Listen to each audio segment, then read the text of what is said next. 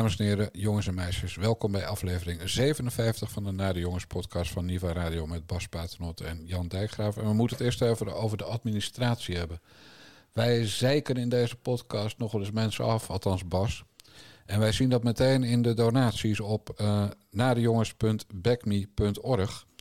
Die lopen terug als we alleen maar mensen afzeiken. Dus ja, hoe zijn wij? Opportunistisch. Dus vandaag een complimenten special, Bas. Complimenten special, precies. Ja, we gaan echt iedereen een ongelofelijke veer in zijn reet stoppen. En de eerste die, bij wie we dat doen, als er nog ruimte is, want hij steekt er zelf ook nogal wat in. Hugo. Hugo, waarom heeft u contact opgenomen met uw topambtenaar om uh, Siewert van Linden naar voren te schuiven? Ja, ik begrijp uw vragen heel goed, naar aanleiding van de Volkskrant van vanmorgen. En het voelt voor mij ongemakkelijk dat ik daar niet op kan reageren. Uh, de suggesties die worden gedaan, die, die kloppen gewoon niet. Uh, maar uh, ik kan daar niet op reageren, omdat er op dit moment onderzoek wordt gedaan. Het onderzoek zal duidelijk maken hoe het wel zit. En tot die tijd kan ik er niet op reageren. Maar u zegt er worden suggesties gedaan die niet klopt. Die kunt u toch hier benoemen en zeggen wat daar dan niet aan klopt. Daar kiest u toch voor om dat niet te doen? Daar kies ik voor om dat niet te doen, omdat er op dit moment onderzoek wordt gedaan. En dat onderzoek zal duidelijk maken hoe het wel zit. En u begrijpt, ik zie zelf ook uit naar dat onderzoek. En tot die tijd kan ik niet reageren. Deze geweldige man, minister uh, Hugo de Jonge, tegenwoordig van Volkshuisvesting, maar tot voor kort uh, coronaminister. Ja, die wil dolgraag vertellen wat er allemaal aan de hand was rond de mondkapjesdeal van Stewart. Maar ja, hij, hij, hij kan er niks over zeggen, behalve hij dat kan, het klopt. Hij kan niet anders. Hij moet dat onderzoek afwachten. Nee hoor, complimenten. Dit, Goed, is, hè? dit is precies hoe je het uh, als een machtspoliticus uh, speelt. Ja. Hey, en uh, stel dat we nu een normale uitzending hadden, hadden gehad met een afzeigspecial. Hoe zou je dan terugkijken op de afgelopen week, CQ dagen? Nou ja, het, het, het, is natuurlijk weer heel knap wopwerk. Omdat de lui die dit allemaal boven water hebben gekregen, de, de Volkskrant primair, die zijn natuurlijk continu tegengewerkt. Hè? Al die WOP-procedures, die duren extreem lang tegenwoordig. En alle ministeries zeggen van, ja nee, dat komt... Dat komt omdat we zoveel WOP-verzoeken hebben. Nee, maar dit is gewoon allemaal hele pijnlijke informatie... die ze zo lang mogelijk willen uit, hebben willen uitstellen. Maar ja, en het begint er nu toch wel heel erg op te lijken... dat Hugo de Jonge en Siewert van Linden... of dat, dat Hugo de Jonge Siewert van Linden in ieder geval heeft proberen te helpen... met zijn met mondkapjes windhandel. Ja, en waarom deed hij dat? Beeldvorming lees je overal. Ja, Vertel ja, eens even voor die drie Hugo mensen. de Jong is heel erg van de beeldvorming. Ja. Daarom draagt hij ook altijd van die wufte, wufte schoen, schoentjes.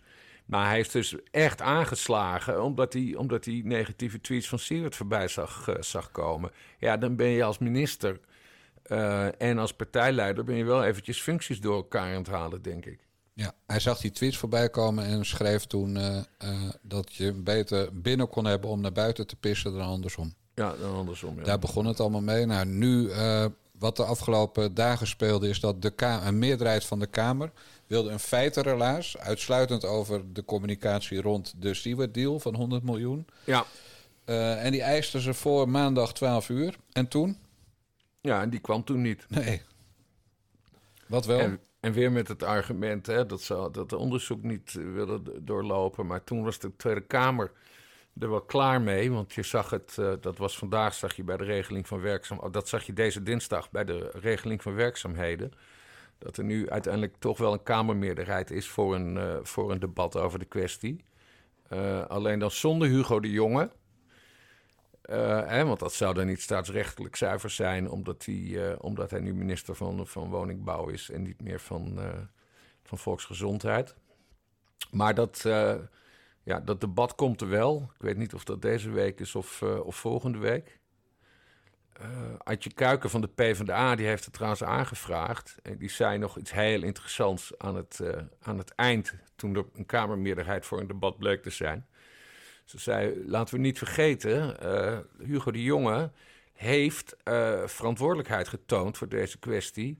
Uh, door er zelf op te reageren en journalisten naar zijn huidige ministerie te halen. Hè, want daar komt die, ja. quote, die quote vandaan, die we net, net hoorden. En dat betekent toch dat, ja, dat hij eigenlijk wel had moeten aanschuiven, vindt, vindt, vindt Kuiken. Maar goed, formalistisch, dus dat gaat niet gebeuren. Nee, maar er zijn ook staats, staatsrechtgeleerden die zeggen dat dat best zou kunnen. Alleen in de Ja. oude bestuurscultuur is het nog nooit gebeurd.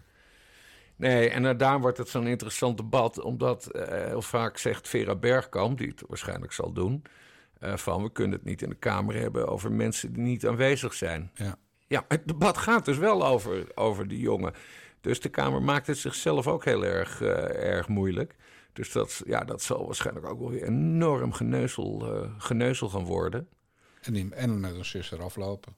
Ja, met een sisser aflopen of dat, je, of dat je echt nog mooie ruzies krijgt. Dat, dan, dat Wilders dan naar voren stapt en zegt... nee, ik wil toch, toch dat Hugo de Jonge nu naar, uh, nu naar de Kamer halen. En dan schorsing en toestanden. Het, het is voor politieke fijnproevers gaat het wel leuk, uh, leuk worden. Ja. Maar dat is dan meer, zeg maar, zoals je naar een auto-ongeluk uh, kijkt. Ja, maar ze zeggen altijd, het kabinet gaat erover wie ze naar de Kamer sturen. Ja. Maar aan de andere kant uh, is de Kamer wel de baas van de ministers. En bij het vragenuurtje worden ze wel geacht te komen wanneer de Kamer het wil. Ja. Hoe, hoe zit het nou? Wie heeft er gelijk? Nou ja, kijk, de, de Kamer gaat over de eigen orde. En er is nu dus gewoon een, een Kamermeerderheid die zegt van... Uh, de enige die we willen horen is uh, minister voor Langdurige Zorg en Sport, Connie Helder... Ik had er nog nooit van gehoord. Volgens mij is dit, wordt dit er ook de eerste Kameroptreden. Ze is, uh, ze is van de VVD. Ja. En nou ja, en zo, wordt het, zo wordt het spel gespeeld. Dus iedereen, ze proberen, de, de coalitie probeert zeg maar Hugo de Jonge dan wel een beetje de, de buiten te houden. Maar ja, het kan niet anders of het gaat over hem. Want het is de hele aanleiding. Ja, als Hugo de Jonge nou gewoon had gezegd, vorig jaar al, hè, toen hem voor het eerst werd gevraagd van... Uh, bent u betrokken geweest bij die deal? En had gewoon gezegd, weet je joh, dit was uh, begin april... Het was een grote tyfuszooi. Er was een, uh, we wisten niet of we genoeg mondkapjes zouden hebben.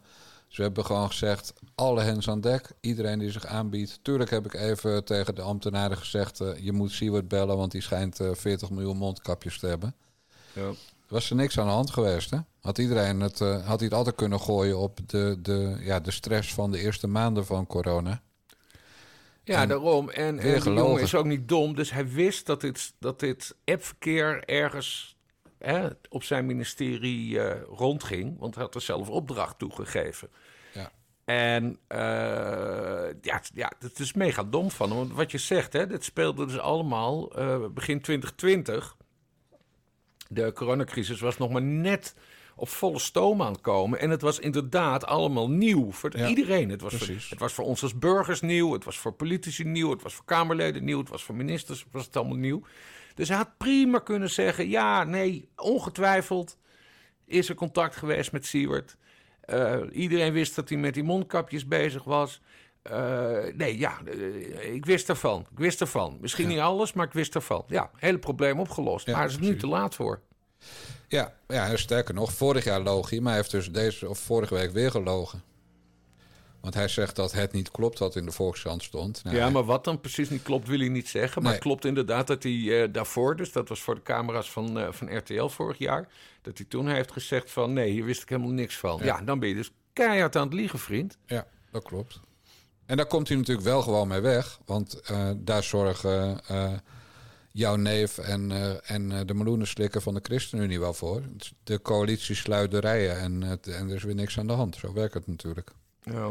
Vertrouwen in de politiek, nog verder naar beneden. Een nieuwe leiderschap en hoe heet het allemaal? Nieuwe bestuurscultuur.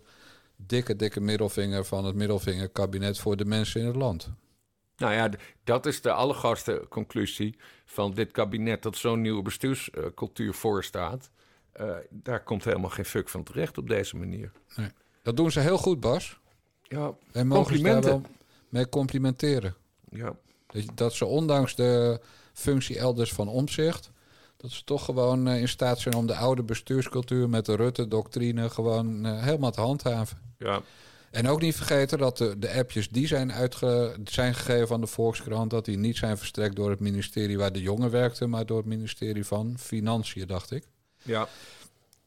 Eh, dus misschien heeft Kaag nog wel een rekeningetje openstaan... en heeft hij gezegd tegen haar ambtenaren... laten wij het maar wel gaan geven. Ja, wij wachten trouwens ook nog steeds op onze WOP, hè? Ja, de Jesulgus eh, papers. Ja, de papers. Het gaat, het gaat ook fucking om één appje hè, wat we willen hebben. En ze zijn er nu al maanden mee bezig. Ja, de kans is dus groot dat dat appje aan Wilders nooit verstuurd is. Oh, dat zou... Oh, Dat, ze gelogen mogelijkheid. Voor de beeldvorming. Ja, ja, ja. Daar ja. hield jij nog geen rekening mee. Dat, dat, helemaal nooit, dat die uitnodiging nooit verstuurd is. Ja, dat ze het gewoon heeft gelogen. Ja. ja. Dus Dylan, ik zal je niet meer nadoen. Maar jullie moeten wel even afkomen nu met dat appje wat jij al dan niet aan Wilders hebt gestuurd. Of sorry zeggen, want ik heb Wilders ten onrechte in een kwaad daglicht gezet. Ja, Ook goed natuurlijk. Sorry zeggen, altijd goed. Maar proactief. ja. Want Dylan, je bent goed bezig verder. Ik wil het nog maar even gezegd hebben. Ik weet, ik weet niet Ja. precies waarmee en waarom ik dat vind. Maar, maar ja, dit is de complimenten special. En, eh, en dan, Ja. ja. dan gaan we niet zeiken. Nee. nee, maar achter, kijk, dat is wel de kern hoor. Achteraf excuses aanbieden is makkelijk. Precies. Eh, als hè, zo'n zo, zo'n discussie die zich dan heel lang uitspeelt. en dan opeens zegt iemand van. ja, nee, sorry, ik had het toch fout. Maar dat moet. Je bent veel geloofwaardiger als je dat veel eerder doet. Ja, dat klopt. Nou ja, ligt Nog één eh, maar- belangrijk si- sidestep bij deze kwestie. Mhm. Over het feitenrelaas. Er was nog, want er wordt wel gedaan alsof alleen maar de coalitie tegenwerkt. Maar er was nog iemand die geen feitenrelaas wilde op dit moment. Maar rustig wilde wachten op het rapport van Deloitte. En dat was Pietertje Omtzigt. De Oh, dat volksheld. Dat heb ik dan weer niet meegekregen. Nee, maar dat is wel belangrijk. Dus zeg maar, de meerderheid van de Kamer wilde vorige week een snel feitenrelaas. Namelijk maandag om 12 uur eh ja, binnengaan. ja, ja. En Omzicht heeft dat niet ondersteund, dat verzoek. En niet omdat hij er niet was, maar hij wilde dat niet. En ja, de goede verstaander, de, zoals jij, die weten wel hoe dat komt. Omzicht had natuurlijk zelf ook gelobbyd voor Siewert en wel bij Mark Rutte. Oh, verdomd, dat is waar ook, ja. Eh Siewert heeft toen eh Omtzigt een, een, een, een brief gegeven met het verzoek die aan, eh, aan Mark Rutte te geven. Ja. En Siewert en Omzicht zaten toen allebei in de programmacommissie van het CDA voor de verkiezingen. Ja. Dus eh kijk, Omzicht heeft natuurlijk een andere verantwoordelijkheid dan Hugo de Jonge. En die pakt die geweldig op, want ja, Pieter is een held. Eh, maar die ging in dit geval ook gewoon lobbyen voor eh, het kleine crimineeltje uit Hilversum. Ja, ja. Vermeende crimineeltje natuurlijk, want wij vinden Siewert een topgozer sinds, we, sinds jij met die kinderwagen de redactie van HP de Tijd op kwam lopen. precies. precies. HP de Tijd, dat overigens niet meer van Audax is. Ja, ik hoorde dat. Ja, gewoon alle media negeren het geloof ik, dit grote nieuws. Maar de redactie is ondergebracht, of het blad is ondergebracht in een stichting. Ja, en die stichting die wordt deels gefinancierd door Audax. Ja, nee, tuurlijk. Ja. Dus nee, maar dat vind ik best wel netjes hoe Audax dat oplost. Hè? Want ze zijn volgens mij zei ze, is Audax helemaal gestopt met tijdschriften. Alleen, alleen weekend hebben ze nog, denk ik. Ik, ik weet dat niet pas. Ik volg de plaatjes. Iets van vroeger. Dus nee, maar HP de Tijd blijft bestaan. En daar heb ik toch een, eh, toch een hart voor, zoals je weet. Want we hebben er samen gewerkt. Ja. Dus eh, nee, ik vind het toch wel knap dat eh, met al hun, wat zult het zijn? V- acht- 8000, 10.000 abonnees nog? Nou, ze hebben minder abonnees of lezers dan wij luisteraars naar de podcast. Ja, ja, ja. Maar dat wil niet zeggen dat dat iets zegt verder. Of dat goed of slecht is. Want het is natuurlijk een topblad. Ja. Ik lees het nog even, meer. ik wilde, want dat wilde ik nog even zeggen over, over, over die jongen. Weet je welke partij dinsdag tijdens de regeling van werkzaamheden geen interesse had in dat debat met Hugo de Jonge? Ik durf te wedden dat je nu voor hem weer een compliment gaat geven. Simone Kersenboom van Forum voor Democratie. Ja. En haar reden was, dat was wel interessant, hè, want er is dus dat verhaal, eh, of verhaal, eh, dat moet nog helemaal uitgezocht worden, maar dat er dus ergens in die hele coronacrisis eh eh, 5 miljard euro is uitgegeven. aan, aan weet ik veel, mondkapjes en dingen. En, en, en, en, die administratie die is niet goed. Juist omdat het dus zo'n crisis was. En daarom zei Kersenboom van... ja, nee, dit gedoe met Siewert... eh, dat is gewoon een afleidingsmanoeuvre voor die 5, eh, 5 miljard. Ja. Ik op zich wel lollige insteek van de.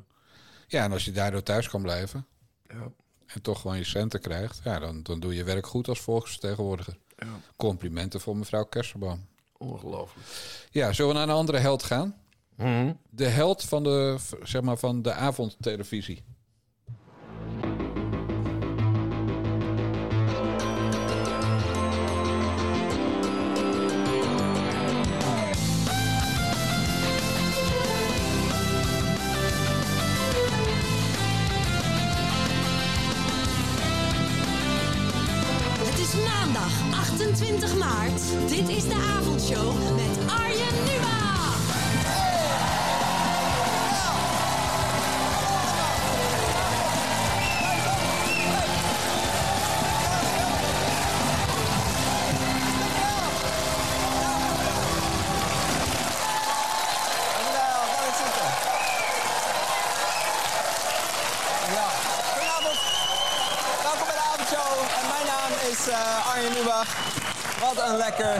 Publiek. Wat, hebben jullie een leuk weekend gehad? Ja. fijn. Mensen vragen mij namelijk ook vaak... wat doe jij eigenlijk in het weekend, Arjen? Nou, dat zal ik jou eens vertellen, Bas. Wat Lubach in het weekend doet. Die eh, zoekt gasten voor die vier showtjes die hij per week maakt. Op maandag, dinsdag, woensdag en donderdag. En dat zijn topgasten die hij elke keer heeft. En daar zijn klachten over. En ik vind dat wij, de, wij moeten het voor Arjen Lubach opnemen. Want die klachten die komen van ene Tamar Bot. Dat is een eh, mevrouwtje van... Me, die inderdaad, ik doe dit even over. Ik zei mevrouwtje, dat kan echt niet. Nee, dat kan niet, Jan. Nee, godverdomme. Dat mag ook niet. Hebben wij weer. Nou, oké, Tamar Bot is een wijf van Media Insight. Dat programma van, eh, van, van Roosmalen en, eh, en die nicht van Groenteman, die Gijs. Die Tamar Bot dus. De vaste redactrice van Tim Den Beste. Nou, dan heb ik genoeg duiding gegeven over wie Tamar Bot is. Ik had er dus nog nooit van gehoord. Maar Tamar Bot heeft ook eh, eh, een podcast. Ja. Podcast Geine Hot te zijn tegenwoordig. De Media Meiden. Ja, En in die podcast heeft ze kritiek geuit op onze held Arjen Lubach. ja. Heb je het meegekregen of niet? ja ze is gaan eh, blanken tellen. Ja, witte mensen tellen. God, in wat voor land leven we? Fuck, Mm. off, fuck off. Het is zo ontzettend woke en makkelijk. En van, en, maar het is ook zo racistisch. Stel je voor dat wij negers zouden gaan tellen. Ja. Dus wij hebben bijvoorbeeld vier keer in de uitzending hebben het gehad over Soumaya Sala. Krijgen wij dan subsidie of zo? Dat we steeds over, over een Marokkaan hebben? Ja, Zo moet je het zien. Complimenten voor die mevrouw eh, Sala trouwens. Hè? Want ze is dus heel hoog eh, opgeklommen binnen de VVD. Ja, zonder, eh, Dat, eh, zonder de mond open te doen voor vieze oude mannen die eh, een leuter uit hun broek, broek Ja, hebben. precies. precies. Ja, gewoon puur op kwaliteit. Ja. Vanwege expertise op een bepaald gebied. Maar die Tamar Bot, zeg. Ja, Het, ik, heb, hier- ik heb hier een quoteje, want ik heb een stukje geluisterd. Ze zegt dat ze teleurgesteld is in die Lubach. Het is toch een VPRO-programma, dus een progressieve omroep zou je denken. En die hebben dan na drie weken alleen nog maar witte mensen te gast gehad... en één Italiaanse extreem knappe dirigent. Maar dat is niet eh, divers genoeg voor haar. Het is nog steeds Europees en die wordt niet echt gemarginaliseerd, denk ik. De, en dan zegt ze nog, ja, Arjen Lubach zou er een klein tandje bij kunnen doen eventueel. Rot nou eens op. Hoezo? Hoezo? Als er een leuke zwarte gast is, dan kan hij die toch gewoon uitnodigen. Maar als die er niet is, ja, dan wordt het wel snel een blanke. Of een Chinees misschien. Of een, hè, een Indiaan, bedenk het maar. Ja, maar kijk, het punt is natuurlijk, natuurlijk ook bij Lubach... dat die interviewtjes op het eind met die gast... Ja, die mensen hebben die tekst helemaal van tevoren gekregen van de redactie... en die moeten ze uit hun hoofd leren. Ja, En dan kom je toch snel bij blank uit. ja. En Italiaan, mooie Italianen. Omdat... Ja, je gaat bijna iets heel slecht zeggen, Jan Dijk. Ik zou niet durven. Hoe heet ook weer die gozer die toen bij Van Forum... die dat podium oprende in Amsterdam? Jer- Jernars Ram, Ramatarsing. Ja, die had daar een theorie over. En die is? Jennos is dus een hele slimme gast. Ik weet niet of die theorie klopt, maar dat is een hele slimme gast. Maar verder ga ik er niks over zeggen. Want Oh, die theorie. ik ja, kijk ja, wel even uit. Nee. Eh, ik ga echt niet zeggen dat blanken gemiddeld genomen een hogere IQ hebben dan mensen van kleur. Dat ga ik echt niet zeggen. Nee, nee. Want ik ken toevallig iemand van kleur die echt veel slimmer is dan ik. Ja. In dat karretje. Oh, die sowieso, ja. ja. Ahmed van eh Ongehoord Nederland. Ja, Ahmed is, heeft een heel klein hoofd. Maar, maar die zijn hersenpan, die, die moet echt helemaal in elkaar gedrukt zijn. Zoveel hersenen zitten er in dat kleine hoofd. Oké. Die is, die is zo slim dat niemand hem begrijpt. Ja. Maar goed, Bas, jij bent van de research. Ik ook. Dus ik heb het even op een rij gezet. Kim van Koten. Maarten Keulemans. Brigitte Kaandorp. Ronald Goedemond. Russell Howard. Geen idee wie dat is. Herman Brusselmans. Paulien Cornelissen. Rico Verhoeven. Loren- Lorenzo Viotti. Dat zal de Italiaan wel zijn. Ja. Mike Baudet, Erik van Looy, Klaas Dijkhoff, Wende Snijders, Claudia de Brij, Mariska Kret, ook nooit van gehoord, Gerrit Hiemstra, een roodharige. Ja. Dus gewoon twee, vier, zes, zeven. In de vijftiende aflevering had Lubach al iemand met rood haar. Ja. De zestiende aflevering, Soendos El Hamadi. Dus dan neem je gewoon een, een, een vrouw van Marokkaanse afkomst die zichzelf cabaretier noemt en niet leuk is. Nee, die daar moet je ook lef voor hebben. grappig. Ja. Vrouwtje, dat is volgens mij een zangeres. Net als Gerrit Hiemstra met rood haar. Dus hij heeft gewoon aflevering 15 een roodharige, aflevering 16 een niet grappige Marokkaanse, aflevering 17 een roodharige. Aflevering 18 Chantal Jansen. En maandagavond Stien. S10 moet je ook. S10. Nou ja, die, Dat die Miep die naar het Songfestival gaat. zijn. Ja, dus het is een onwijs goede verdeling qua mannen en vrouwen. Toch wel, toch wel ongeveer 50-50. Er zitten sieloze gingers tussen. Ja. Gewoon twee. Ja. Een Belg, Brusselmans, die vergat ze ook, hè? Gewoon een Belg, fucking Belg. ja. Eh, ja, een VVD'er bij de VPRO, Dijkhoff. ja. Ja, gewoon keurig lijstje. En waar gaat, het, waar gaat mevrouw Tamara Bot overlopen zijkstralen? Ja, te weinig zwarte. Arjen moet toch eens een tandje bijzetten. ja. Donderstralen en top. Ja, ik kijk dus nauwelijks tv, zoals je weet. Maar dat, dat Media Insight hè, van, die, van, die, van Roosmalen en Groenteman... Zitten daar wel zwarte mensen of mensen van kleur? Pe- People of color? Geen idee. Nee. Want ja, zoals je zult begrijpen, kijk ik daar echt niet naar. En daar komen we straks nog wel op, waarom niet. En dat heeft niks met Van Roosmalen te maken, want dat is een held. Marcel van Roosmalen is echt geweldig. Ja. Als jij wil weten waar de Suderans het lekkerst is, zeg ik Marcel van Roosmalen. Nee, maar ik ken, er, ik ken van Roosmalen Ja. een beetje. En het, hij is echt een hel. Ik ben gek op hem. Hij, eh, hij, heeft, hij heeft toen ook hè, die serie bij HP De Tijd, waar we het net nog over hadden, eh, over Fortuin gemaakt. Toen heeft hij, heeft hij Fortuin heeft hij echt de hele campagne hinderlijk lastig gevallen. En dat is een fantastische reportageserie hier geworden. En nadat Fortuyn vermoord was, toen heeft hij eh, nog een reportageserie gemaakt. En dat, werd ook een boek en dat heet De Pimmels. En toen heeft hij dus zeg maar alle fans van Pim Fortuyn eh, gevolgd. Nee, dat blijft een journalistiek meesterwerk wat hij toen heeft gedaan. Ja. Fortuyn werd er ook helemaal gek van. Dan ging hij ook zeggen van... nou, ik ben dan en dan... ben ik eh, voor het stadhuis in Rotterdam. Dan moet je dan maar even langskomen met je fotograaf. En dan zat Fortuyn eh, ondertussen in Arnhem of zo. Puur om de boel te fokken. en dat heeft gewoon Roosmalen. Die heeft prachtig oog voor detail. Dus die heeft het prachtig opgeschreven. Ja, dat heb je met op, pad, op pad met Pim heet het, heet het eerste Hoe? boek.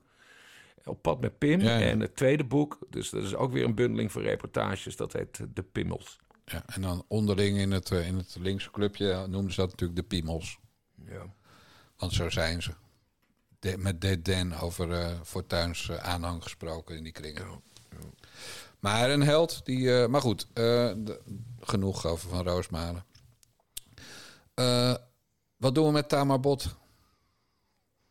Ja, nou, ik had dus überhaupt nog nooit Die trouwens ook rood haar heeft, Bas. En heeft ze ook rood Ja. haar, ja? Ja. Nee, ik had überhaupt nooit... Maar die, ja, die, ik, oh, ik vind die discussie zo vermoeiend. Dat kleurtje stellen de hele tijd. Het is stop er gewoon mee, stel je idiots. En ze is dus zelf is een redactrice bij dat Media Insight. Dus nou ja, als jij vindt dat, dat de tv eh, zwart moet kleuren... of moet kleuren, hè... eh, ja, zo- zorg daar dan voor. Maar ga er niet over lopen zeiken. Nee, nee en haar, haar podcast, De Media Meiden... Ja, Met wie maakt ze dat? Met wat voor iemand? Ja, een blanke natuurlijk. Ja. De dan? beste vriendin. Wie is dat? Ja, weet ik veel. Ook zo'n onbekende. Wacht, ik zal eens even op dat linkje drukken. Eens kijken of het erbij staat. Huh? Ga je nu, eh, heb je corona? Nee, wacht even. Mijn pedicure heeft corona. En ik had morgen om acht uur een afspraak. Ze zetten de naam er niet eens bij. Er staat alleen de mediameiden. Ja, nou, als je dan... Als je gaat zoeken... Ik heb er geen seconde van geluisterd, maar dan... eh, dan kom je een foto van die twee tegen. En die andere, het zijn allebei meiden, van- ja, meiden, vrouwen, wijven, whatever, met lang haar. Ook dat, hè? Ik bedoel, Ja. in de week van de alopecia. Met, eh Ze hadden, met de het de nare meiden moeten noemen. Dat was leuk. Ja. Nee, precies. Hey, maar het gaat deze week over alopecia. Maar het is niet zo dat een van die twee wijven van de media meiden nu zegt... hé, hey, ik scheer mijn kop ook kaal. Ja. Dan zouden ze solidair zijn met de vrouw van Will Smith... die ook van kleur is. Ja, dat is die ziekte. Dus de alle- alopecia, dat, dat je haar uitvalt. Ja. Ja, ja, dat doen ze niet. Dus het is wel bekken, maar niet de, het kopje kaal scheren zelf. ja. Zo lekker Nou ja, ene, ene zwarte man slaat andere zwarte man in het gezicht. Op zich eh, eh, staan de, de, de, de vinkjes goed voor de, voor de Oscars qua, qua kleurtjes stellen. Ja. ja, was natuurlijk gewoon een grap, hè? dat snap je ook wel. Ik heb, ik heb geen idee. Ja. Het, aan het, eerst begint hij Will Smith te lachen. Ja, precies. Daarnaast ziet hij dat zijn, dat zijn vrouw toch wat bozig naar hem kijkt. En dan denkt hij, oh shit, nu eh, mag ik er vanavond misschien niet op. Sowieso En, hij- niet, en, en dan vreemd. loopt hij dus op die Chris Rock af. Maar hij slaat hem best wel hard hoor. En daarna gaat hij weer zitten. En dan begint hij te schreeuwen. En eh, ik heb wel eens mensen ontmoet die niet helemaal goed bij hun hoofd zijn. Dat zag er niet geestelijk erg gezond uit hoe hij begon te schreeuwen. Ik dacht ook eerst het is een grap, maar volgens mij was het helemaal geen grap. Dat schreeuwen herken ik een beetje als Sylvana in. Hmm. Gewoon dat, dat eh, Ja, dat doet ze wel eens in de kamer, ja. precies, dat, dat recht hebben op emoties uiten. Ja, eh, Gundogan heeft dat ook. Gewoon dat, Ja. dat ordinaire. ja, Toch een beetje het verschil tussen geciviliseerd of niet. Ja. Nee, Maar ik, vond het, ik vond het heel vreemd. Ik vond het heel vreemd. Ja, nee, dat is waar. Maar goed, Arjen, we staan achter je. Lul. ja. Verder kijken we nooit, denk ik. Tenminste, jij ook niet, toch? Ik heb één aflevering gezien of zo. Ik heb er geen, geen actieve herinneringen. Wat wel leuk was, was Maarten Keulemans trouwens, aflevering 2. Dus dan, verder heb ik het ook niet gezien. Dus ik heb is die wetenschapsjournalist van de Volkskrant. ja, maar die eh, blijkt dus vrij plat Rotterdamse-achtig te praten. En Oh? Dat, dat verwacht je niet als je stukjes leest. En die, Maar die had echt een goed optreden. Oké. En natuurlijk heb ik gekeken naar Claudia de Breij. Maar goed, als Claudia de Breij hier op de straatweg, eh, midden op de weg gaat zitten schijten, ga ik ook nog kijken. Want ja, het is Claudia de Breij. Ja, maar jij bent ook fan van Claudia de Breij. Groot fan. Ja, Ja, heel groot fan. ja. Nee, ik vind het stom. Waarom moet dat nou weer? Bas, hoe heet deze Oh aflevering? ja, complimenten special. Nou, vertel Groot vakvrouw. Groot vakvrouw. Speelt mooi piano, kan mooi zingen. Is heel erg geestig. Ja, precies. Het is niet zo moeilijk complimenten uitdelen. Noem mij drie, twee, nee, één grap van Claudia de Breij. Ja, ik onthoud nooit grappen. Nee. Nee, maar dat, dat komt niet door Claudia de Breij. Hm. Nee, Claudia de Breij heeft ooit in een oudejaarsconferentie mijn naam genoemd. Dus eh kan je bij mij niet meer stuk op, Bas. Nee, dat is waar. Nee, en, en bovendien... Ik vind het gewoon altijd lekker veilig om over vrouwen die van de vrouwenliefde zijn... heel positieve dingen te zeggen. Ja. Ik krijg echt nooit gezeik thuis. Ze is bevriend met eh, de prinses van Oranje. Ja, dat vind ik dan weer minder. Ja. Ah, ja, weet je, dan... Over mij zeggen ze ook wel eens... Ik ben bevriend met de Meilandjes. Maar dan zeggen ze ook wel eens... Ja, geld, geld verdienen eraan, geld verdienen eraan. En dat zeggen ze natuurlijk over haar ook... omdat ze dat, dat briljante meesterwerk over Amalia heeft geschreven. Ja. En Claudia die denkt aan de natuur, hè? Ik bedoel, kijk, ik tik van die boeken van 352 pagina's over de Meilandjes. Maar dat boekje over Amalia was en klein formaat... en 110 pagina's dik en heel weinig inkt per pagina. ja, een pamfletje gewoon. Ja, dus dan, en, en dan voor 1750, dan denk ik toch, ja, Klauw, heb je goed gedaan, wijfie. Ja. Compliment. Ik zag trouwens vandaag nog op Twitter dat, dat er iemand zich uitmaakt voor jou. Ja, die is inmiddels eraf gegooid door Twitter. Ja, ik heb hem, ik heb hem ook het, gereport. Maar het was Ja. dus een meneer die noemt zich dan Jan Dijkgraaf. En dan gaat hij vervolgens iedereen die we kennen gaat hij uitschelden. Heel ordinair lopen schelden, bijvoorbeeld tegen Saskia Belleman. En, eh, Ja, zo viel het me op. Die zag ik Ja. voorbij komen. Ja. Een hele ordinaire man. En ik had al een paar keer gezegd, omdat hij mijn foto en mijn naam gebruikte bij Twitter, met uh, ben ik niet van gediend. Uh, maar Twitter deed daar verder niks mee, want hij zat binnen de regels. Hij noemde Ja. het namelijk in het begin ook een parodie. Ja, dat mag. Maar ja, vandaag was hij niet binnen de regels, maar duurde toch best heel veel rapportages voor die eraf geflikkerd werd. Ja, ja. Nee, maar het is heel vervelend. Omdat hij, hij gebruikt en een foto van jou en, en hij gebruikt je naam. Ja. En zijn Twitter-handle is dan wel anders. Maar je ziet gewoon Jan Dijkgraaf met een fotootje. Ja, en als je dan mensen gaat uitschelden... Hè, ik bedoel, hoe vaak word ik niet aangezien voor mijn, voor mijn neefje... die eh, fractievoorzitter is in de Tweede Kamer. Mensen zien het gewoon niet. Die zien gewoon iets voorbij komen. Die denken dan inderdaad... oh, zo, die, die Jan Dijkgraaf die is daar even redelijk grof van schelden. Ja, precies. Heel vervelend. Maar het- goed dat het eindelijk een keer is opgelost. Juist, zo is dat. Zullen we even gaan lachen? Ja, Ik vind het wel tijd worden voor. Jij had over Claudia de Breij en dan gaat meteen in mijn hoofd. Ja, dan gaat het, het lampje lachen branden. Dus. eh,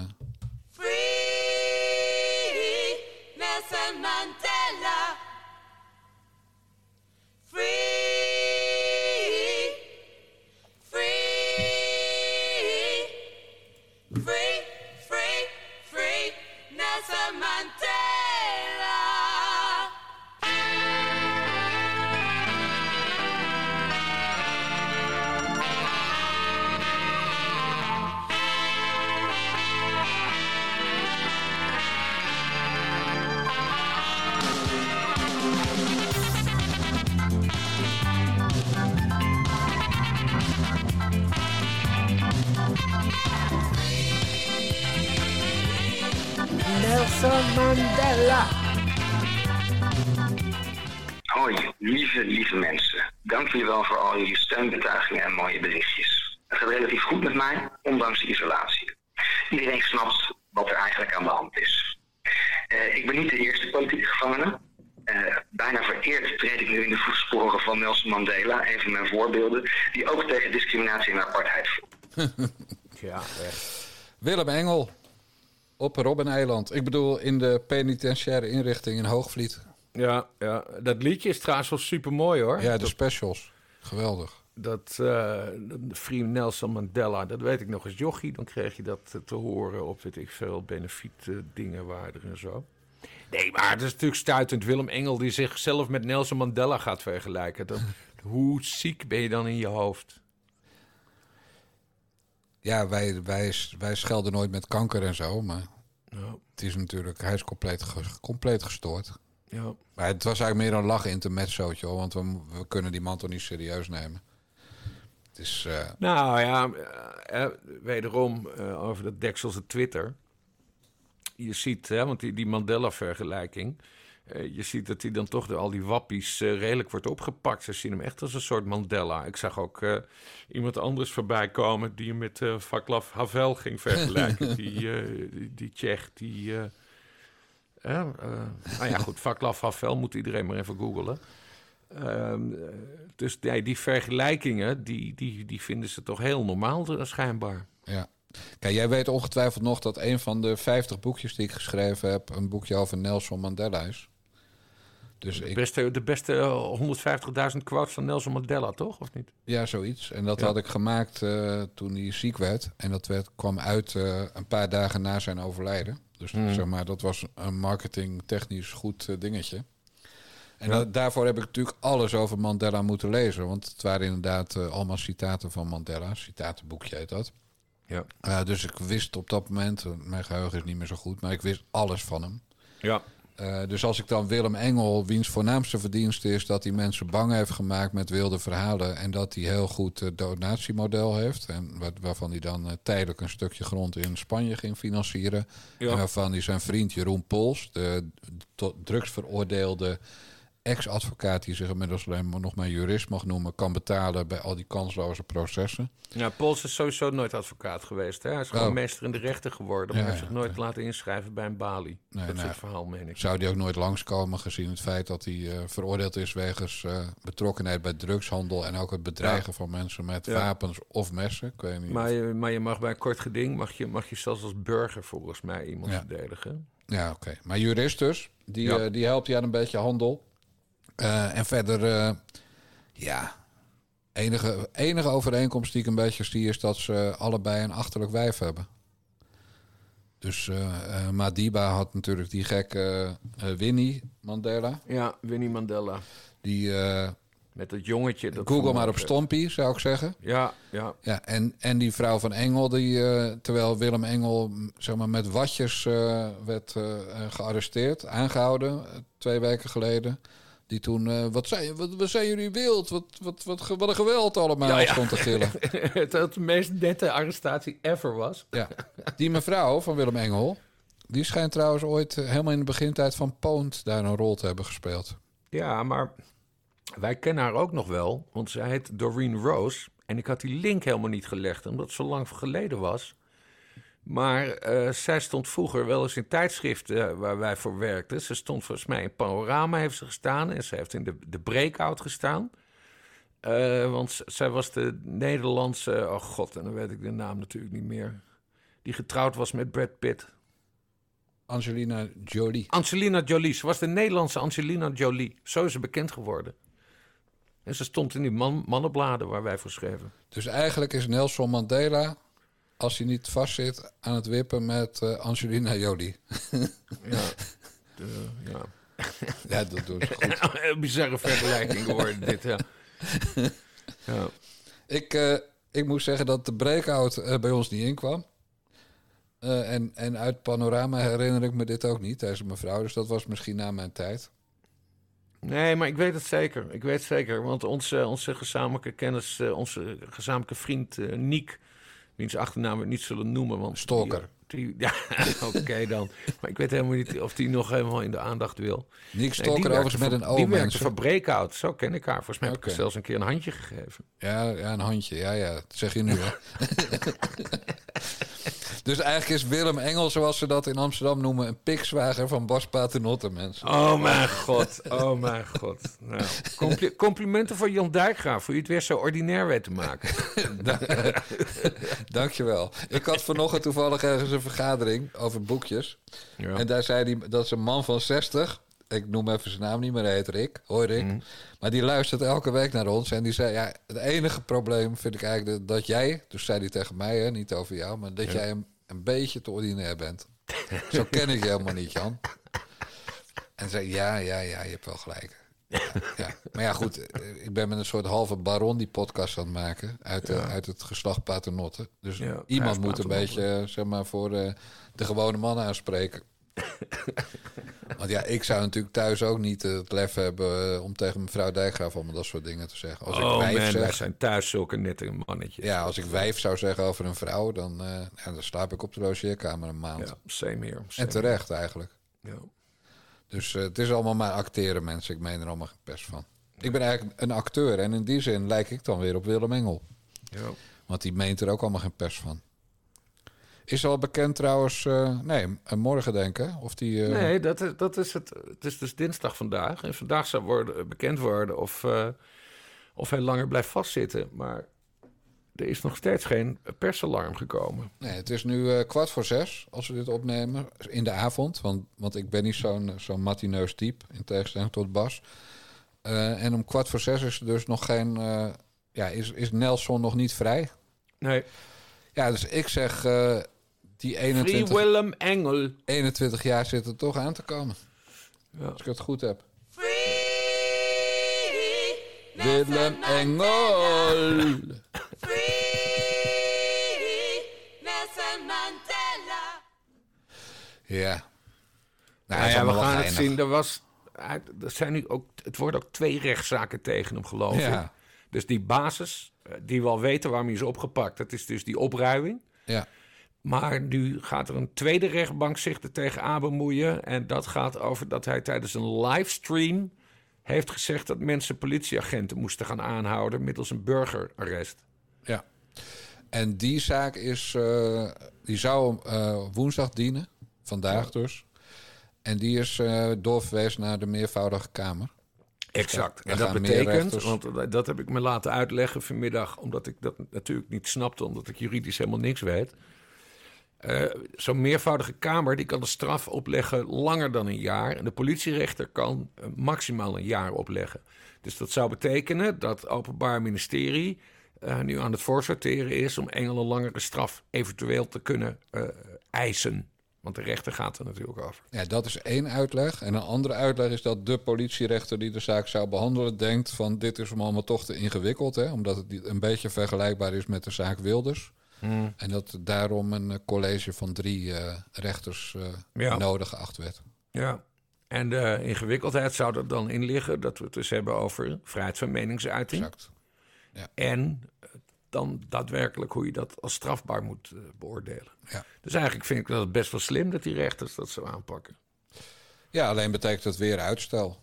Ja, Dat is natuurlijk nee, maar goed, we gaan er niet over, hoe heet dat, een, kar- een nacht, Eén nacht ijs. Ja, één nacht ijs. Nee, maar het, het leuke is, is, ja, het vervelende is dat we nu missen dat hij eh, zeg maar met geboeide enkels en geboeide handen in zo'n oranje eh bijerspak morgen Ja. bij de rechter moet komen. Zoals Nelson Mandela vroeger ook. eh. Ja, en dat we niet kunnen zien waar die, op welke plekken die allemaal met de zweep geslagen is en, en vastgebonden. Dat, zeg maar, dat er bloed uit zijn armen kwam en zo, dat, dat weten we allemaal niet nu. Ja, en dat we een stuk steen van zijn cel meenemen. Weet je nog, 100 Ja. jaar geleden, een mooi, mooi rel op Twitter was dat. Frits Wester, die was op Robben-eiland. Precies. En die had toen een stuk steen meegenomen uit de cel van Nelson Mandela. En toen kreeg hij best wel kritiek op. En zijn reactie was: eh, ja, lach los. Lach los. Maar goed, ik zal even. eh, Frits is natuurlijk ook een held, een topper, een geweldenaar. Even in het voordeel ter verdediging van Frits Wester. Hij was op dat moment waarschijnlijk dronken. ja, flauw. Ik ben gek op Frits. Ik ken, ik ken Ja, Frits. flauw. Ik neem het voor hem op, man. jaar in Den Haag. Hele aardige man. Jij zegt net dat het een dief is en ik neem het voor hem op. Dat was gewoon een leuke anekdote. Nee, maar je beschuldigt hem van diefstal. Ja, oké. Weet je wat ook erg is? Dat de aller, aller, aller, aller, aller, aller, aller, aller, aller, allerbeste courantenhoofdredacteur van Nederland geen hoofdredacteur meer is. En dan weet jij wel over wie ik het heb. Ja. Ik heb wel zelf een keer Rutte gemaild. Mag dat ook? Namelijk toen had hij een groot interview in de Telegraaf. En toen heb ik gezegd, je staat in de verkeerde krant. Je staat weer in een Amsterdamse krant. In een krant van rancuneus Nederland. Ehm, wij zijn de krant van heel Nederland. En de keer daarna stond hij bij ons. En deal je dan ook met partijen om tot zo'n moment te komen? Heb je een onderhandeling? Ontmoet je Ik ze? heb, eh, Bellen, in een, eh, voorlichters, In adviseurs? een opwelling heb ik toen, eh, toen werd ik gebeld en in een opwelling heb ik wel gezegd, luister eens, we kunnen ook Wilders premier maken als je dat wilt. Hè? Dus je doet het via ons voortaan. Ja, misschien moet je dit niet onthullen, maar dit is wel een beetje hoe het gaat. Hierin komt alles samen van Hans Nijenhuis, de oud-hoofdredacteur van eh, eh, het Algemeen Dagblad. Namelijk dit. Er komt een of ander grietje, in dit geval Meerte Hilkens, oud-PVDA-Kamerlid... maar toen eh, deed ze documentaires omdat ze huilend uit de Tweede Kamerfractie was gerend. Een of ander grietje komt met een camera rond de verkiezingen... voor een, eh een docu-serie bij Nijenhuis langs en hij gaat stoer lopen doen. Eh, waarom doet hij stoer? Omdat hij denkt, hey, blonde chick, scoren. Misschien wel als ik, als ik een heel stoer verhaal vertel. Maar er komt ook samen dat hele valse vilijnen van die man. Van eh, hoe die dan Rutte, althans de woordvoerder van Rutte... of de secretaris van Rutte heeft lopen aanpakken. Eh, en die Hans Nijenhuis, nou, ik, ik zal verder eh, heel kort vertellen wat er niet aan hem deugt. Die schrijft dus afgelopen weekend 2000 woorden over de Oekraïense jonge dame die hij in huis heeft genomen. ja. Punt. Hier, bent u veilig of zo, hè, zei hij. Welkom in our country. You're safe here. Je ziet hem ook met die griffen met de smoel doen. En je ziet hem meteen een contract voor de neus leggen met... wil jij even tekenen dat ik mag opschrijven over alles wat wij doen? En wil jij in ruil voor die kosten en inwoning ook je eigen verhaal vertellen? Ja. Nou, laat ik het dus even positief eh, keer. Want Nijhuis is gewoon echt de grootste natnek die er in de Nederlandse journalistiek rondloopt. Even een hele korte opsomming. Je had dus dit Rutte-Wilders-affairetje. Verder heeft hij die treiter Turk uit Zaandam aangenomen. Een zogenaamd eh, een baan gegeven. Nou, na drie vlogjes van die Turk... toen hij, toen hij een publicitair had uitgemolken... heeft hij hem eruit geflikkerd. Eh, hij heeft eh, onlangs, nu hij weer journalist is in plaats van hoofdredacteur, heeft hij zich laten arresteren bij een eh, demonstratie van Extinction Rebellion. Dat groen- Omdat, hij, omdat hij geen perskaart bij zich had. Precies. Het was, het was zijn eigen schuld. Hij had alleen een visitekaartje van de krant bij zich. Ja, Exact. als je... Ja, eikel. Nou, dat. Eh, verder heeft hij eh, de AD oliebollentest, de AD friettest en de AD haringtest. Zeg maar het raison d'être van het Algemeen Dagblad heeft hij de nek omgedraaid. Omdat hij de spelregels niet wilde veranderen. En omdat er één keurmeester verdacht werd, ten onrechte, van fraude. Ja. Verder heeft hij, eh, toen een stel van die wijven op de redactie gingen klagen over Wierduk... heeft hij Wierduk niet meer gesteund als verslaggever... waardoor Wierduk moest vluchten naar het Algemeen Dagblad. Ja. Verder heeft hij eh, eh, eh, Ha- Hanina Adjarai, heet ze zo? Ja. Nou, dat hoofdkom, mie- hoofddoekmiepje heeft hij een column laten schrijven waarin zei... ja, ik vind, vind dat van die MH17 dooien, dat boeit me eigenlijk niet zo. Nou, dat meisje... was de enige goede column die ze heeft geschreven. Hè? Want hij voldeed aan alle regels van hier komt opheffen Exact. over. Het is haar eigen mening. Hij had, toen had hij juist moeten zeggen... Ze heeft een goede column geschreven, verdorie. Ik blijf achter haar staan. Terwijl die, al die lauwe shit heeft hij dus wel laten publiceren.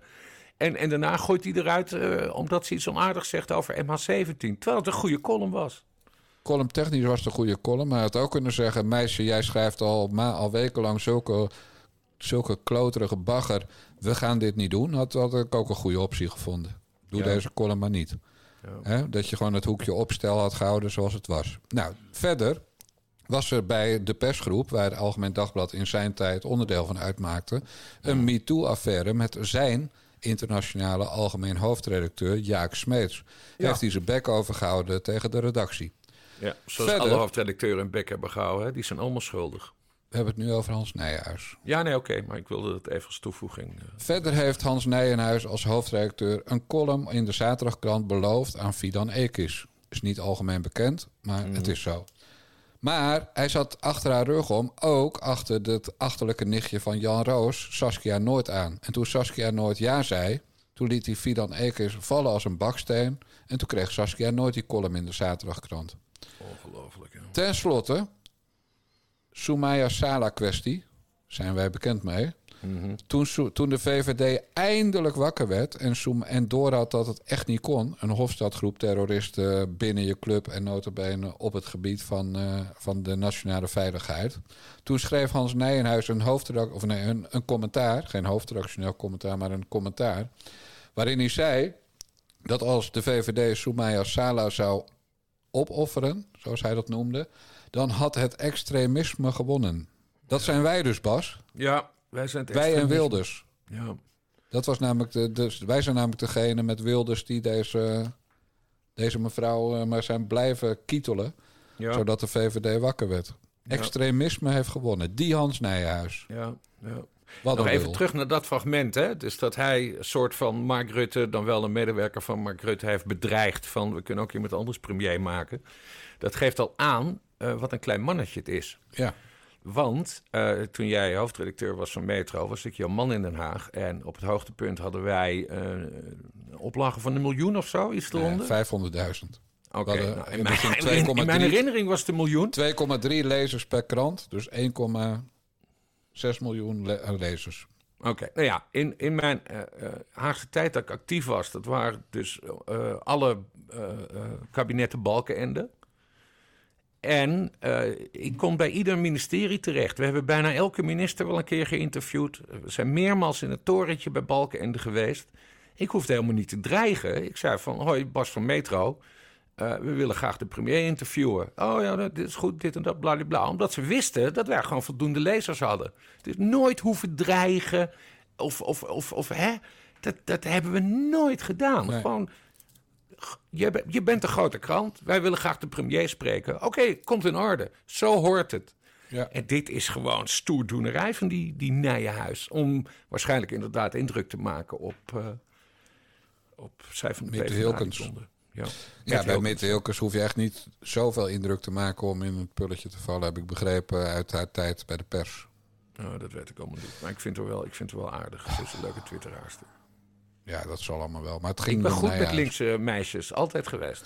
Ja. Nou, nu gaan we eventjes, omdat dit toch de complimenten special is, eh, vertellen, ik althans, wat er wel goed is aan Hans Nijenhuis. Komt-ie. Ja.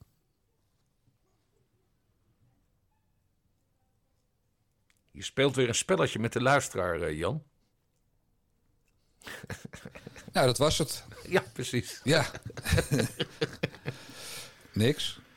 Oh, Echt. Zo Het is fout, zo'n man. eikel. Het is echt een eikel. Ja.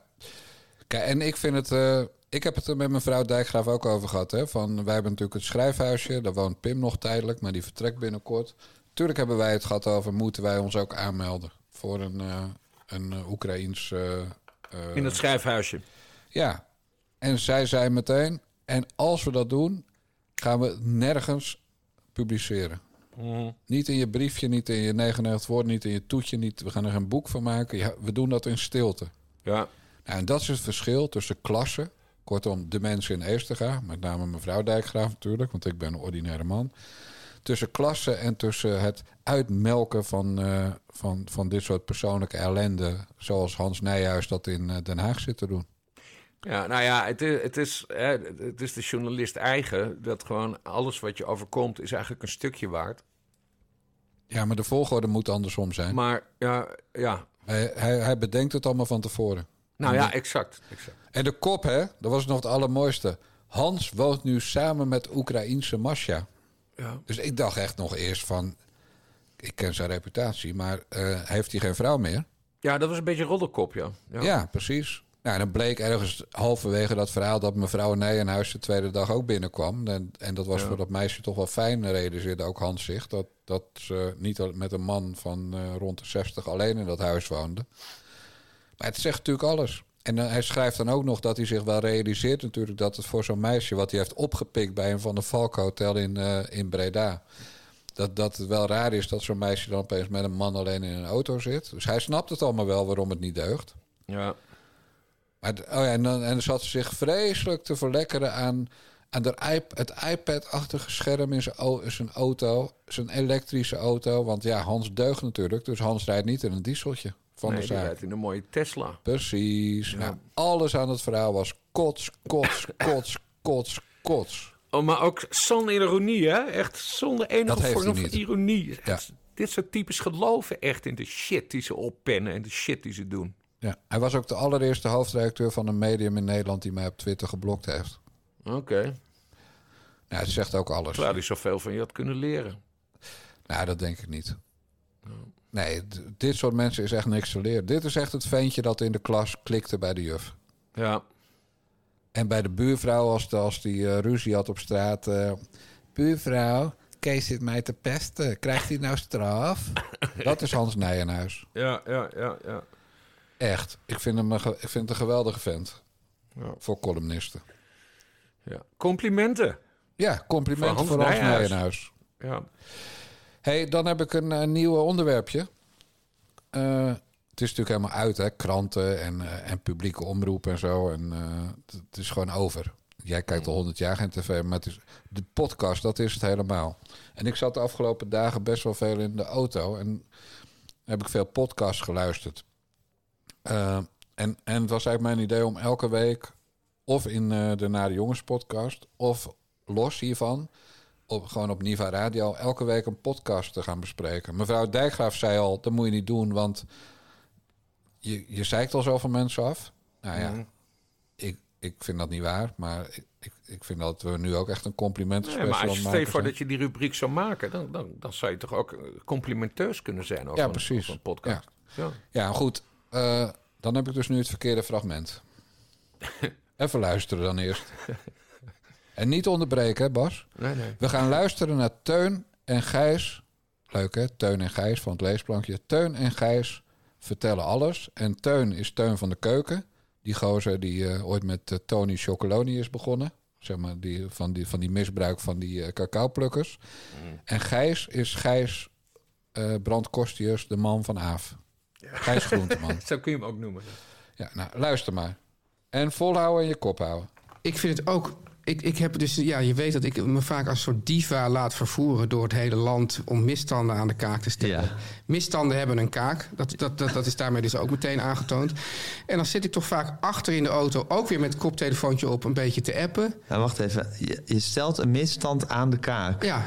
Maar je stelt iets aan de kaak, maar het is toch niet gezegd dat de misstand dan een kaak heeft? Ja, want het is net zoiets als Wat doe je dat, dat gooit goed boven stellen? de pet. Dat is dan eigenlijk zijn pet, toch? En zijn kaak. Het is de kaak van de misstand, denk ik dan. Is er niet een soort algemene kaak waar je dingen aan stelt? Is het eigenlijk verstellen? Is het een soort... Misstand aan de kaak stellen. Wat, wat, wat, wat bedoelen ze er eigenlijk mee? Kijk, met boven de pet kan ik me nog voorstellen, want je hebt een pet. Dat, dat Ja, zou ja. zeggen natuurlijk een scheiding van je schedel. En Dat, dat is de 100%. dat is de 100%. En ja, je, je intelligentie kan het niet aan. Dat gaat je boven de pet. Dat, Ja. dat zit buiten jou, de zones van jouw heft. Maar wat, wat doe je eigenlijk met dat aan de kaak stellen? Ja, ik, ik heb dus een heel fysiek gevoel daarbij. Ja. Dat, dat je dus iemand echt even stevig bij die Bij die kaak, vast... pakt? Ja, en dan, zeg, En dan zeg je, zo jongetje, kom jij maar eens hier. Jij misstand. Hoe zit dat met die sociale verzekeringsbank? Ja. Hè, ja. Ja, precies. Dus het past, maar op zich past deze uitdrukking ook mij eh, als een hand. Dat was het. Kijk, jij klaagt wel eens over, en dat zeg je dan ook bij ons in de podcast. Ja, wij bereiden dit nooit goed voor en wij dit en wij dat. Je zit ons een beetje naar beneden te trappen en met name jezelf elke week. Maar nu je dit gehoord hebt, Bas, wat zijn wij goed, hè?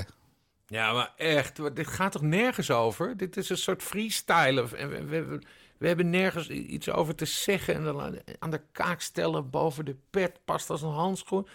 Het is belegen jaren 50 burgermanshumor. Nou, precies. Ik heb me uitgeluisterd. Ze gaan ook nog een keer bellen met Hanneke Groenteman.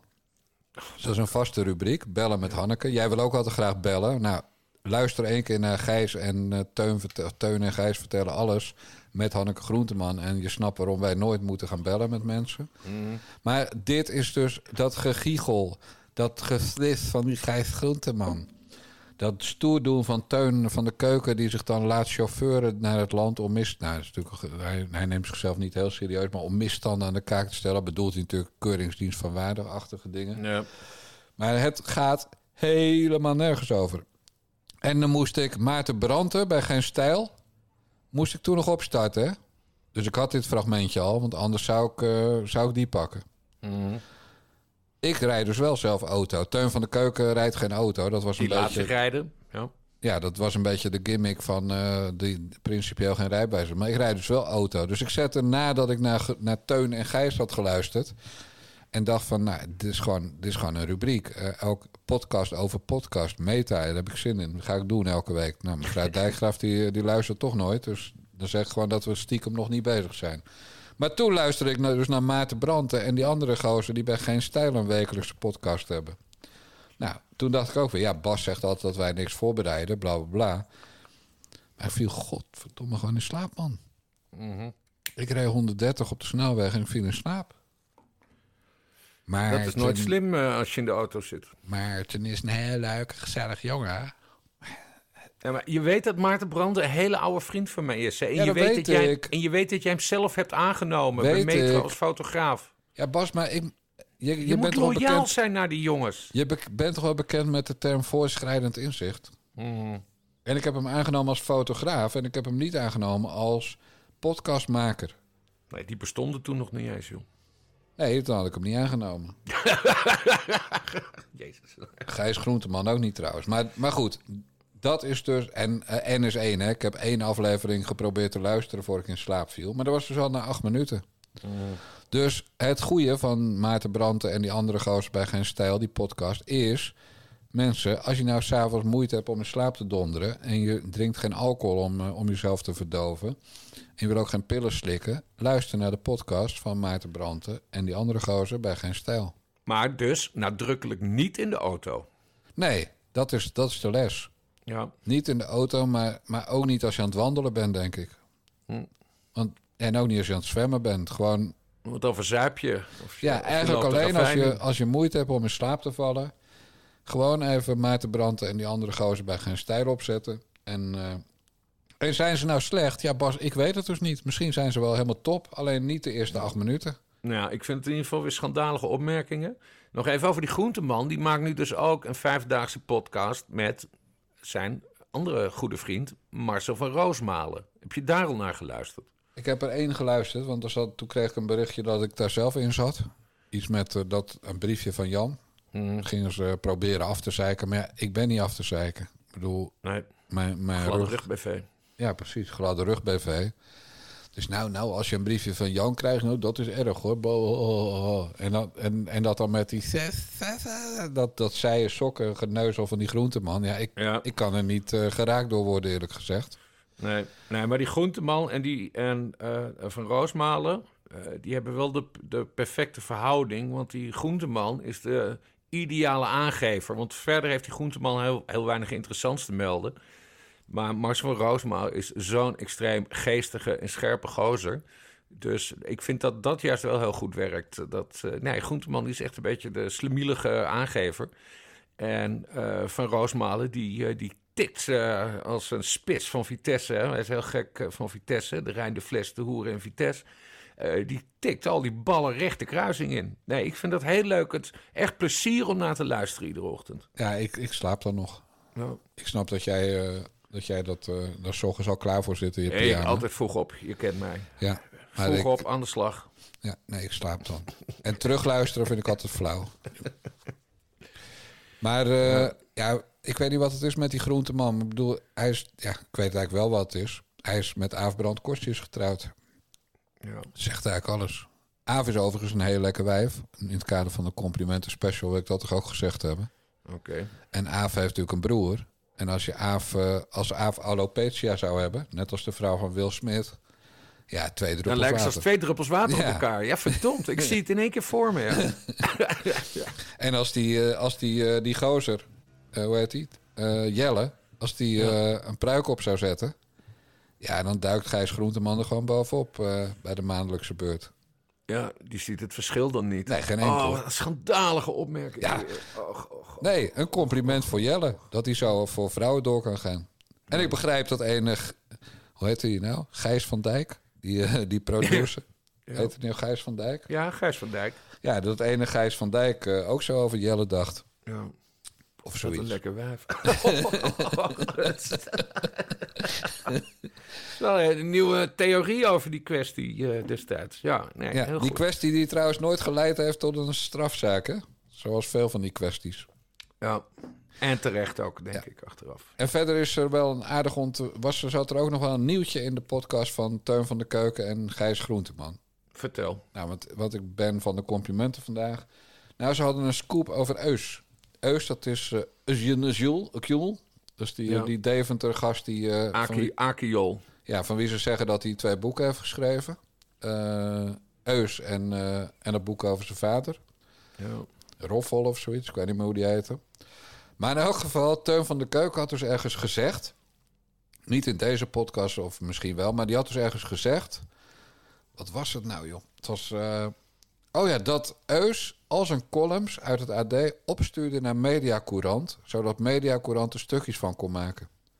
Oké. Nou, stel nou dat ze dat over jouw Basjehof zouden zeggen... dan zou je denk ik je schouders erop eh, over ophalen. Als ik nieuws heb in Bassiehof, dan wordt dat door de landelijke media direct opgepikt. Dat hoef ik dan niemand toe te sturen. Jij hoeft dat niet naar media. Maar stel dat je het wel naar media, Mediacourant zou sturen. Ja, so what, hè? Dan is Ja. gewoon PR voor je opdrachtgever. En, eh, maar Eus heeft dus gezegd, of een mail gestuurd... volgens Steun van de Keuken in die podcast... dat hij overwoog om hem een proces aan te doen... wegens smaad en laster als hij niet zou rectificeren. Te- Teun van de Keuken wilde hij aanklagen. Ja, want het was helemaal niet zo dat hij... Nee, dat zei, hij zei niet eens dat het niet waar was. Maar, omdat, maar het feit dat Teun van de Keuken dat gezegd had... was al reden om smaad en laster eh, De suggestie was al voldoende om hem Exact, te vervolgen tot aan de poorten van de hel. exact. Dus hoe klein ben je als iemand over jou zegt in een podcast... Kijk, ik zou bijvoorbeeld over Eus zo kunnen zeggen... dat ik uit zeer betrouwbare bron bij uitgeverij Prometheus weet... dat hij meer redactie nodig heeft dan de gemiddelde schrijver van Prometheus. Ja. In het kader van Complimentendag breng ik het heel netjes. Dat zou ik over Eus kunnen zeggen, want ja, ik heb gewoon een zeer betrouwbare bron die dat eh, mij verteld heeft. Ja, die verhalen die gaan al langer rond. Ja, maar goed. Het, eh, Maar ja. stel nou dat hij nu mij een aanklacht zou, met, zou dreigen met een aanklacht wegens smaad en laster, zou ik zeggen, ja, weet je, eh, kom maar op. Ja, boeien. Maar wat deed Teun van de Keuken, Bas? Eén keer raden. Nee, ik weet echt niet. Vertel. Die rectificeerde het. Ah, dat meen je niet? Ja. Oh, wat een trut. Wat een trut. Dat moet je toch dan... Oh, wat een trut. Oh, Dus Teun van de Keuken zei... in dat mailtje wat ik gehad heb... ontkent hij het niet... dat hij zijn columns opstuurt naar Media Courant. Maar omdat ik nou eenmaal geen zin heb in gezeik... rectificeer ik het maar. Dus bij deze... Eus stuurt zijn columns niet op naar Media Courant. Ongelooflijk. Wat dan... Dat, oh, dat is wel... Dan heb je een serieus probleem aan de ruggengraat, hoor. Nou, nee. Het is de complimenten special. Wij Ja. hebben deze week een prijs... en die gaat naar Teun van de Keuken. De Natte Tosti Award. en daarmee wil ik Teun, voor we afsluiten... van harte feliciteren, ook namens jou. Ja, nou, we hebben dus zelfs nog eens even een prijs uitgedeeld. Dat bedoel ik. Wat een mooie aflevering, Jan Derkgraaf. Dat dacht ik, Bas. dus laten de donateurs maar komen. Dit, beste mensen, was de 57e aflevering van de Na de Jongens podcast van Niva Radio. Onze website doet er niet toe. Doneren doet er wel toe. Dat kan bij de Na de Jongens podcast op tpo.nl. Dat kan via nadejongens.backme.org of via bunk met een q.me slash Niva Radio. En storten, want ja, we moeten binnenkort een advocaat hebben. Eus. Ja. Ja, Denk of je Teun niet? van de Keuken. Precies. De mazzel! Doei, doei.